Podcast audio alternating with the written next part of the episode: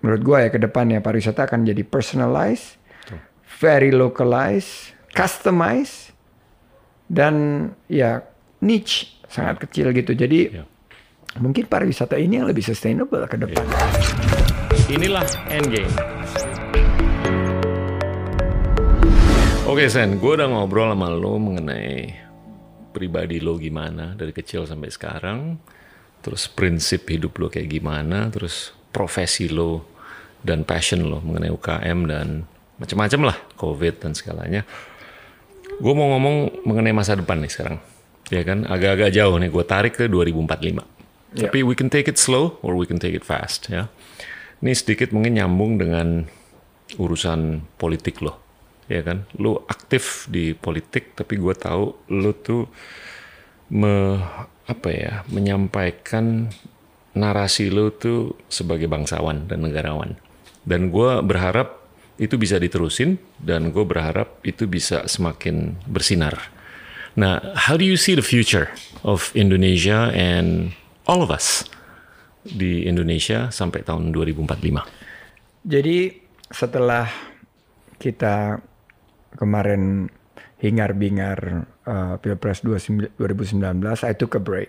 Oke. Uh, ngambil sekitar sebulan sebulan setengah uh, refleksi apa yang terjadi dan mulai memproyeksi ke depan itu seperti apa. Dan gue sampai ke satu pada satu kesimpulan bahwa eh, Indonesia itu karena gue keliling 1.700 constituents visits, 1.700 titik kunjungan kampanye itu belum pernah ada yang ngerjain itu selama modern Indonesian modern politics ya. Jadi di situ gue lihat, waduh, ini negeri ini sangat-sangat kaya raya dan potensinya luar biasa. Jadi di situ gue yakin bahwa kita punya bright future selama kita yang di diberikan satu kesempatan untuk shape, untuk membentuk dan ikut uh, mengawal proses ini itu punya satu uh, ya satu kesamaan visi ke depan. Dan itulah mulai terus kita ngobrolin mengenai uh, 2019 ini ujungnya seperti apa. Gue ngomong sama Prabowo, ketemu sama teman-teman. Nah, gue gue curious. Kalau lo ngomong sama Prabowo, lu gue Gini, gue tuh jadi nah ini Mas. pertama kali mungkin di di Heeh. Endgame nih. Heeh. Gue tuh ngomong sama karena mungkin ya kita tuh udah be- udah eh, kenal lama dan hubungannya itu hubungan awalnya kan dagang, hubungan konsultan sama prinsipal. Dia prinsipalnya gue konsultannya dulu. Ya. Jadi gue hormat dia, dia jenderal segala macem. Tapi kebanyakan dari pembicaraan kita itu banyak pakai bahasa Inggris.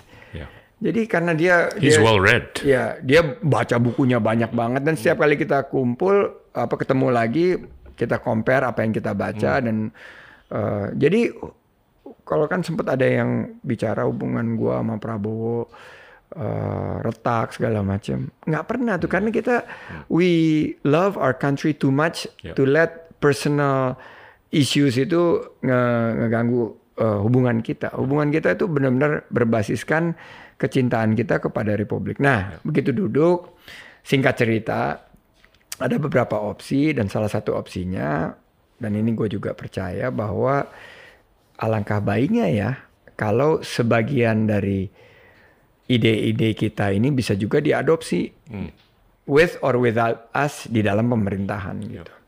Dan ternyata pembicaraan itu berlanjut, berlanjut, berlanjut, berlanjut, dan akhirnya ya ada unity government. Yep. Nah, memang secara stability itu bagus, paling enggak lima tahun ini sebelum COVID ya.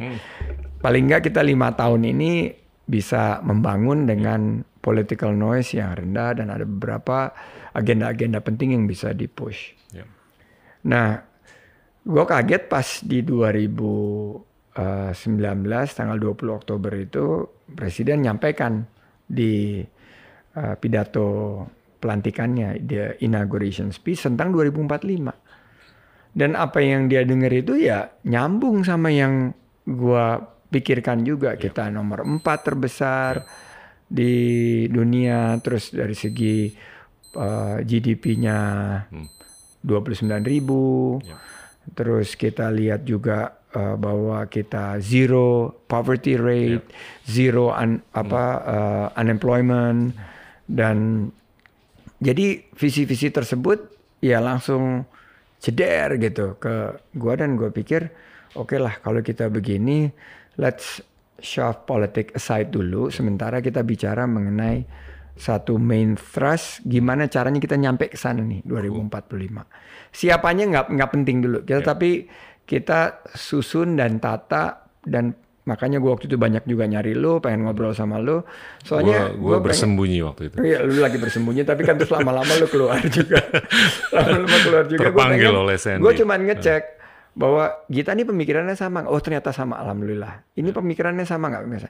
Jadi nanti pada saat itu kan politik itu cuma satu vehicle untuk nyampe ke sana. Ada bisnis, ada ekonomi, ada art, ada budaya, ada kita punya sports. Hmm. Nyampe ke sana. Jadi di 2045 itu ya kita berharap we arrive there hmm. as a nation itu united gitu ya. loh itu itu visi gue dan menurut gue kesempatan emas itu ada di di tangan kita sekarang. Gue gue percaya 2045 itu akan indah.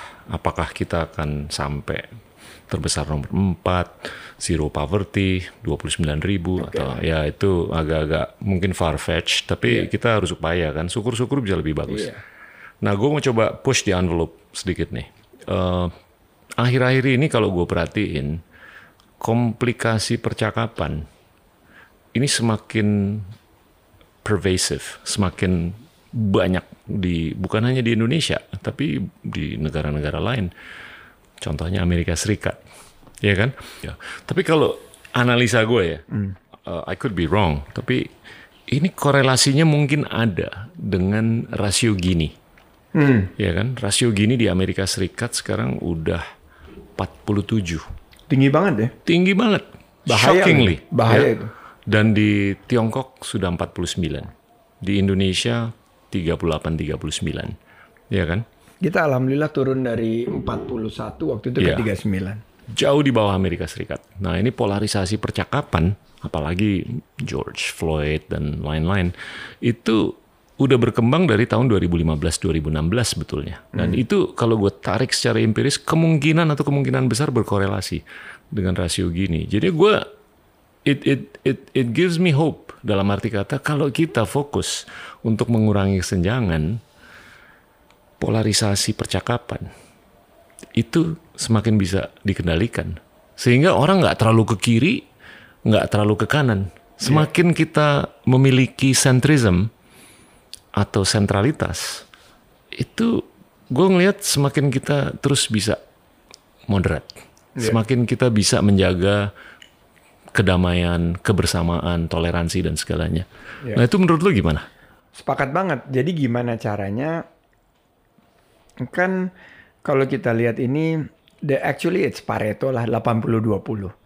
Jadi di sisi paling kanan extreme right, extreme left itu mungkin 10-10 terus 80 yang tengah ini. Nah, kesenjangan ini bisa jadi isu yang sangat-sangat uh, complicated kalau kita masuk ke dalam satu periode yang akhirnya orang merasakan ada injustice. Jadi selain daripada inequality, ada juga injustice. Hmm. Jadi ada uh, ketidakadilan dan itu sangat sangat manusiawi di mana begitu orang mengalami ketidakadilan dan di, diperlakukan tidak adil, mereka akan akan revolt dan menurut saya inilah uh, menurut gue ya hmm. menurut gue leaders di Indonesia apalagi kan kata amok itu kan dari bahasa Jawa tuh hmm. run amok amok itu ya kita senyum senyum senyum senyum tapi begitu udah oh. terpicu satu hal kita bisa ya do the extreme nah hmm. menjaga uh, kondusivitas yang di 80% ini ya tugasnya pemimpin yeah. dan mulai dan menyentuh di sisi paling ekstrim kanan kiri untuk mereka paling tidak memiliki satu uh, kesamaan pola pandang, pola uh, pola pikir bahwa uh, kekerasan itu is not the answer. Yeah. Jadi kalau misalnya ada perbedaan segala macam ya settle it through democracy Yeah. melalui uh, ada institusi-institusi yang kita sudah sudah bangun. Jadi uh, ya gue gue yakin sih kalau di di Indonesia itu jauh lebih uh, having gone dua election cycles, uh, ya dua national election cycles yang 2014 sama 2019 terus 2017 Itu, itu juga. S3 tuh dalam politik. Kita ini luar biasa banget. Bangsa kita ini ya, ya sangat apa magnanimous apa Iya. eh, eh, Jiwa besar. berjiwa besar. Hmm. Jadi eh, berjiwa besar dan bisa jadi jadi satu modal menurut menurut gue ya. Kalau Iya. kita tanganin dengan benar, kita pastikan polisinya itu adalah tepat dan sekarang akan sangat dimudahkan untuk ngambil keputusan berkaitan dengan data driven karena Iya. policy ini sekarang semua data driven. Kita nggak perlu terlalu ini, ini maunya bagaimana kita bisa bidik dengan teknologi. Eh, dulu di DKI inequalitiesnya itu gue bisa bidik di daerah mana, kelurahannya mana Wow. eh, dengan kekuatan data Eh, dan apa policy measures yang kita bisa berikan kepada mereka. Nah itu yang mudah-mudahan nanti di seluruh Indonesia kalau misalnya penggunaan eh, big data sudah lebih lebih pervasif di eh, pemerintahan dengan kolaborasi dengan dunia usaha kita akan bisa mudah-mudahan me- eh, mengantisipasi inequality ini jangan sampai lagi nih ratio ke at- di atas Amit, angka amit. 43 aja ngeri. Amit amit. Idealnya sih di bawah 30. Iya. Tapi gue kadang-kadang berpikir inequality of welfare tuh nggak sama dengan inequality of opportunities. Iya kan? Nah itu itu harus dikorelasikan juga. Jangan sampai kita menyadari mendeteksi inequality of welfare, tapi kita nggak melakukan penyikapan terhadap inequality of opportunities. Dan they could be mutually exclusive, Iya kan? Nah itu kalau menurut gue, tapi gue gue setuju sama lo dalam arti kata kita ke depan optimis. Dan dan gue kadang-kadang sebel juga kalau dikatain atau dibilang sama orang-orang dari luar negeri, khususnya bule-bule lah, bahwa kita tuh barbarik, iya kan? Ya kata-kata amok itu datang dari Jawa dan segalanya. Tapi kalau gue hitung selama 2000 tahun terakhir ini di Asia Tenggara itu fatalitas tuh dikit sekali dibanding yang terjadi di Eropa dalam periode 40 tahun antara Perang Dunia ke-1 dan kedua memakan 130 juta nyawa kan. Iya. Nah ini kalau mau ngomong mengenai barbarisme itu hanya dalam 40 tahun aja di abad ke-20. Iya. Kita bisa tarik ke abad ke-17, kita bisa tarik ke... Gila bro, bisa ratusan juta. Dan kita nggak lebih dari puluhan juta dalam 2000 tahun terakhir. Dan itu menurut gua mencerminkan kedamaian dan toleransi yang ada.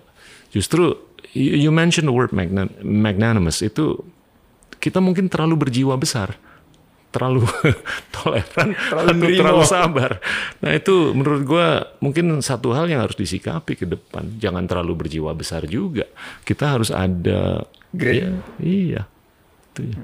Tapi menurut em, ya, gue percaya bahwa salah satu penyikapan dari memastikan angka Gini ratio itu adalah eh, pemerataan kesempatan ya. Siap. Em, dan itu memang jauh lebih penting daripada pemerataan kesejahteraan karena sebetulnya kalau masyarakat kita di empower, diberdayakan, diberi kesempatan, mereka bisa berkembang dan kita udah lihat uh, policy-policy afirmatif atau kebijakan-kebijakan afirmatif itu plus minus ya menjadi apa debatable lah hasilnya. Tapi yang yang dari sisi UMKM dan gua banyak turun di tengah-tengah masyarakat, selama kita kasih pemerataan kesempatannya, peluangnya, dan mereka yang di- yang penting mereka mendapatkan peluang itu dan peluang itu didapatkan dengan pendidikan. Jadi kalau misalnya kita Back to bisa, your earlier point. iya, kan? jadi kalau misalnya Hmm, pendidikannya setuju. udah dibenahi segala macam, kesempatannya datang kok. Iya. Oke. Nah, gue mau mengcomplicate atau mengkomplikasi percakapan kita nih. Gue nggak tahu nih akhirnya gimana. Tapi kita secara offline berapa kali ngomong mengenai decoupling. Ya kan? Ada beberapa teman kita yang nggak nggak kagak ngerti tuh mengenai decoupling. Tapi decoupling ini kan intinya perceraian atau prospek perceraian antara Amerika dengan Tiongkok. China. Lu ngelihat itu gimana sih dampaknya? Apakah masa depan kita nanti kita harus milih? Lu mau pakai Apple atau pakai Huawei? Enggak tuh gue ngelihat oke. decoupling itu ya it's eventuality kalau misalnya ini kebijakan terus dan nggak te- nggak terkoreksi akan ada decoupling. Tapi bukan artinya terus Indonesia harus milih Tiongkok atau Amerika. Tapi kita nah ini lagi mungkin bagian daripada magnanimity daripada bangsa kita ini Kebesaran jiwa. kebesaran jiwa dan kita kan dari sejarahnya dari Bung Karno, Bung Hatta ini kan kita ada di em, gerakan non blok Hmm. kita jadi ya semacam eh, leader dari negara-negara yang berkembang ini eh, menurut gue justru ada kesempatan Indonesia di mana kita mampu untuk eh, ngambil peran dan to be honest the last lima tahun lah kita tuh punching way below our weight Iya. di international scene ya.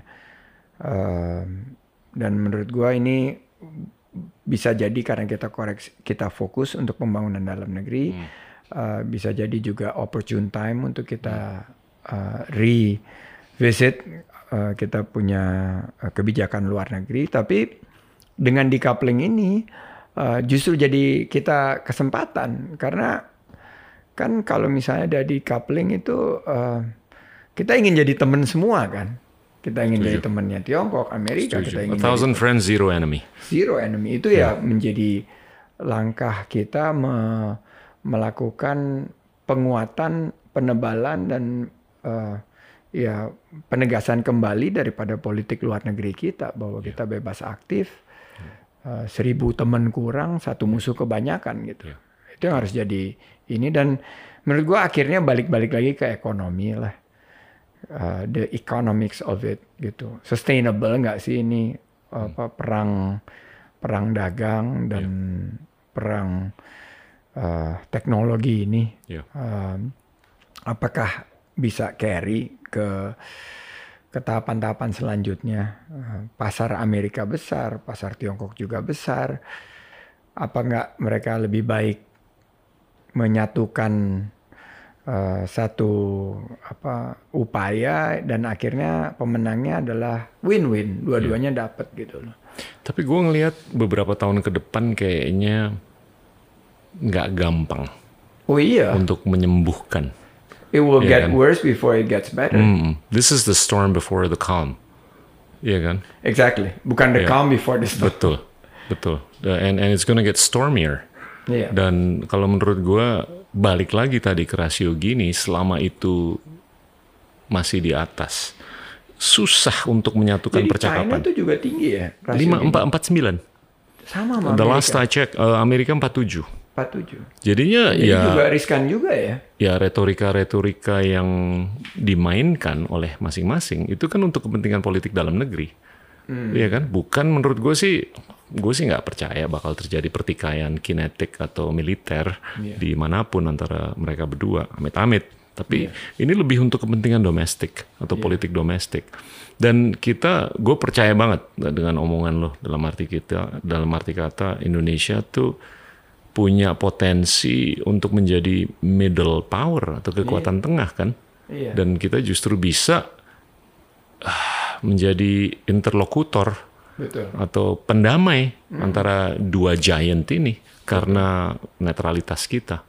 Ya netralitas kita dan ya posisi strategis kita di di antara dua kekuatan ini dan kita ini kan demokrasi ketiga terbesar di dunia, populasi keempat terbesar di dunia.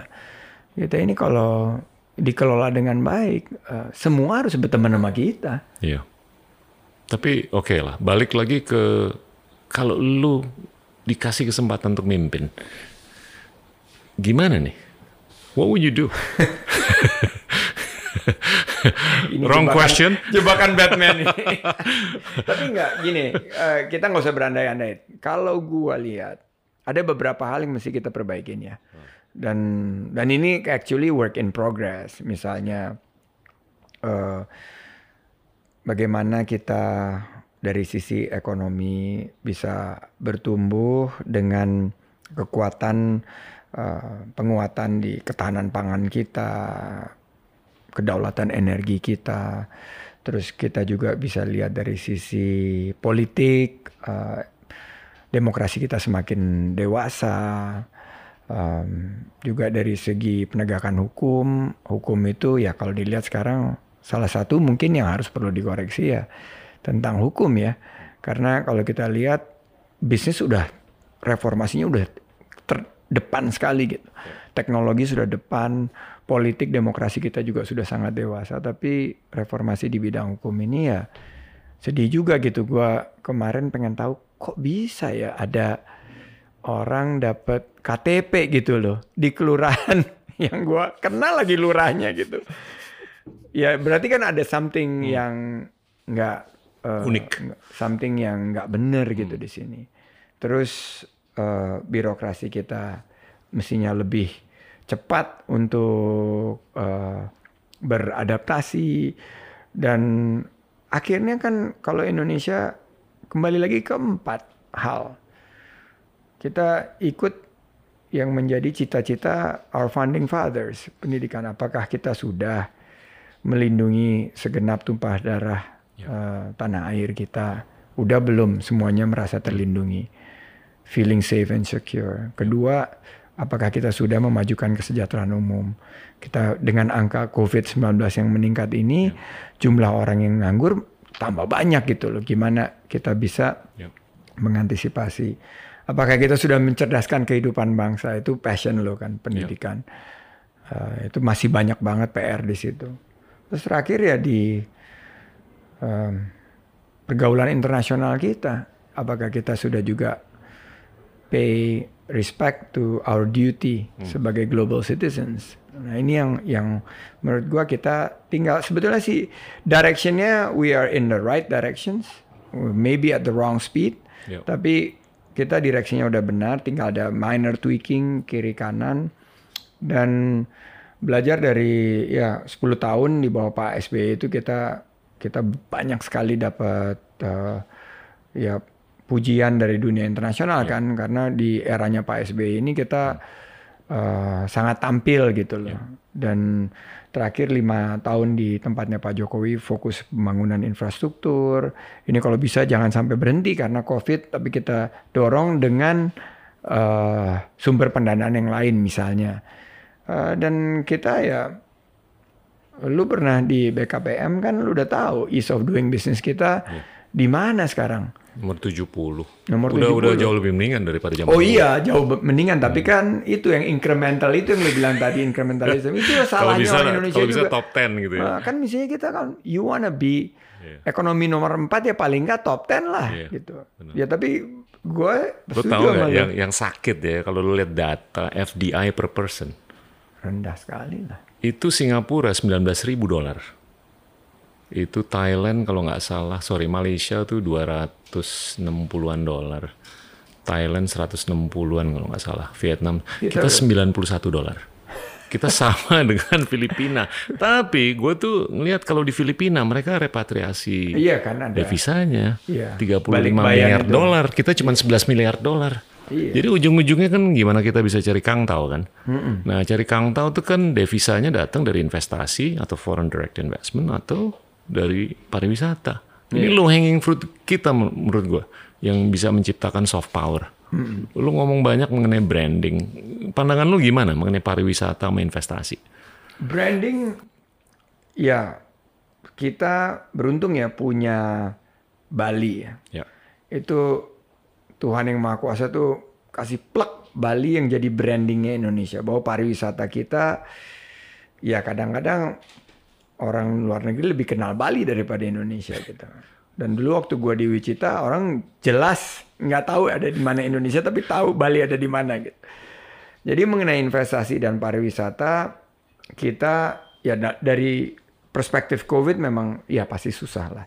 Tapi mestinya kita harus bisa dorong karena pariwisata itu adalah sumber daya yang melekat sama kita dan kalau kita jaga benar dengan new normal pariwisata new normal ini yang kita bisa kemas dengan dengan betul-betul uh, menurut menurut gua ya ke depan ya pariwisata akan jadi personalized, very localized, customized dan ya niche sangat kecil gitu. Jadi Ya. mungkin pariwisata ini yang lebih sustainable ke depan. Itu, low hanging fruit banget. Low hanging fruit dan kita punya banyak banget karena destinasi kita buah luar biasa kalau kita itemize. Nah, kalau lihat investasi 90 dolar per orang FDI. ya kita mesti lebih serius lah. Itu menurut gue huge opportunity. Ya, it's a low hanging fruits dan kalau gua, menurut gua em, ya kuncinya adalah em, political will. Kalau itu sih kan you been there, you know. Bahwa sebetulnya kalau kita kita mau sih banyak banget investasi ke sini. Dan nggak usah narik yang di sini juga mau berinvestasi, tapi kan kita harus lakukan satu structural reforms. Ya. Ini yang dengar katanya structural reforms ini gue mulai mulai bosen gitu. Tapi reformasi struktural ini nggak kejadian-kejadian gitu. Tax ratio masih segitu. 11 persen. 11 persen udah gitu. Thailand berapa bro? Thailand belasan. Ya 17 persen. Iya. 17 persen. Iya. Jadi yang gitu-gitu menurut gua ya tugas sama-sama lah. Jangan semuanya Itu low dibebanin. hanging fruit. Ya jangan semuanya dibebanin ke pemerintah. Apalagi sekarang udah ada digital technology. Iya. Ya angka-angka em, itu bisa kita perbaiki dan reformasi struktural itu bisa kita eksekusi dengan jauh lebih efektif ke depan. Iya. Keren, keren, keren. Sen, gue mau ngakhirin sesi kita nih. Kita udah ngomong banyak nih. Sorry, sorry banget nih. Lu capek gue rasa. Tapi Enggak, gua seneng, di, di di ujung ini gue mau nanya eh, rapid fire questions. questions. Iya. Jadinya lu jawab. Ini seakan-akan ini saham. Lu mau buy or sell atau lu mau beli opsinya, long or short, Long or short. ya kan? Oke. Lu lu bisa bilang buy or sell atau long or short, Oke. ya. Mulai dari yang gampang banget nih, UMKM. long and Long buy. banget lah ya. Long banget. Long banget lah, ya. atau buy buy And banget super ya. buy. Super buy. Oke. Eh, pakaian Uniqlo. Long and and buy. Oke. Either or, lu mau long atau buy aja. Kalau oh, nggak boleh dua-duanya ya? Sama, tapi it, it means the same. Because I like to double up.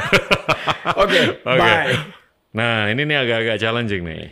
Walaupun gue mimpi Hmm. akan ada Indonesia, Indonesian version of Harus. Uniqlo ya. Ini nggak sepatu gini kan? Ini buatan UKM, Indonesia? Indonesia ini namanya Men's Itu Republic. lebih bagus daripada punya gua tuh.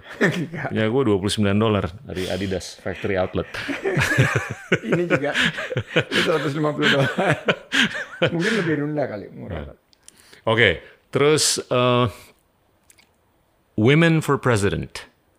Long. Good. Jadinya lu dukung banget ya peran wanita dalam kepemimpinan. Iya. Dan kayaknya Dan imminent. kita udah pernah. Iya. Kita udah pernah jadi it's actually uh, ya kita lebih maju dari Amerika. Sorry to say. Ya. Kita ya. udah bisa terima. Oke, ini mungkin agak-agak susah dijawab nih. Batu bara.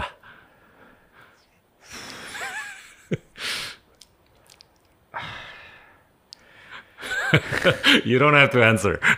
Uh, short. Okay. Itu kan opsi ya. Short. iya, ya iya. berarti. Ah, Short. Oke. Iya. Lu kalau jawab long lu dimarahin anak lu kan. Oh, aduh anakmu. Tapi sebetulnya ada, mestinya lu nambah gitu. Selain long, Nggak bisa. short, Nggak, I, gotta make it difficult for you. sell, harus ada ini. uh, uh, kayak kayak kalau lu di Nggak bisa. bahasa Inggris kan reduce apa tuh bisa. katanya. Nggak bisa. Nggak bisa underweight. Nggak boleh. Nggak boleh. Short, nggak- nggak short, boleh. Harus. Oke. Short. Kelapa sawit. Short. Oh ya, oke. Padahal ada prospek kan biodiesel dan segalanya. Long story. Ini urusan anak juga. urusan anak gue. Nggak tahu dicuci otaknya sama siapa. Oke, sama. Gue juga dikerjain di rumah. Eh, ASEAN. Hmm, tough call. I would buy. Oke, I agree. I would been- buy. Yeah, I would long. yeah. The I stock. would, I would, I would long, I would buy. Tapi they have been underperforming ya. Oke, terus eh, GDP terbesar nomor 4 di dunia untuk Indonesia. Yeah, definitely. Long. buy the stock, right? Yeah, I'll buy. Oke. I'll buy big time. I'll, I'll be the second buyer.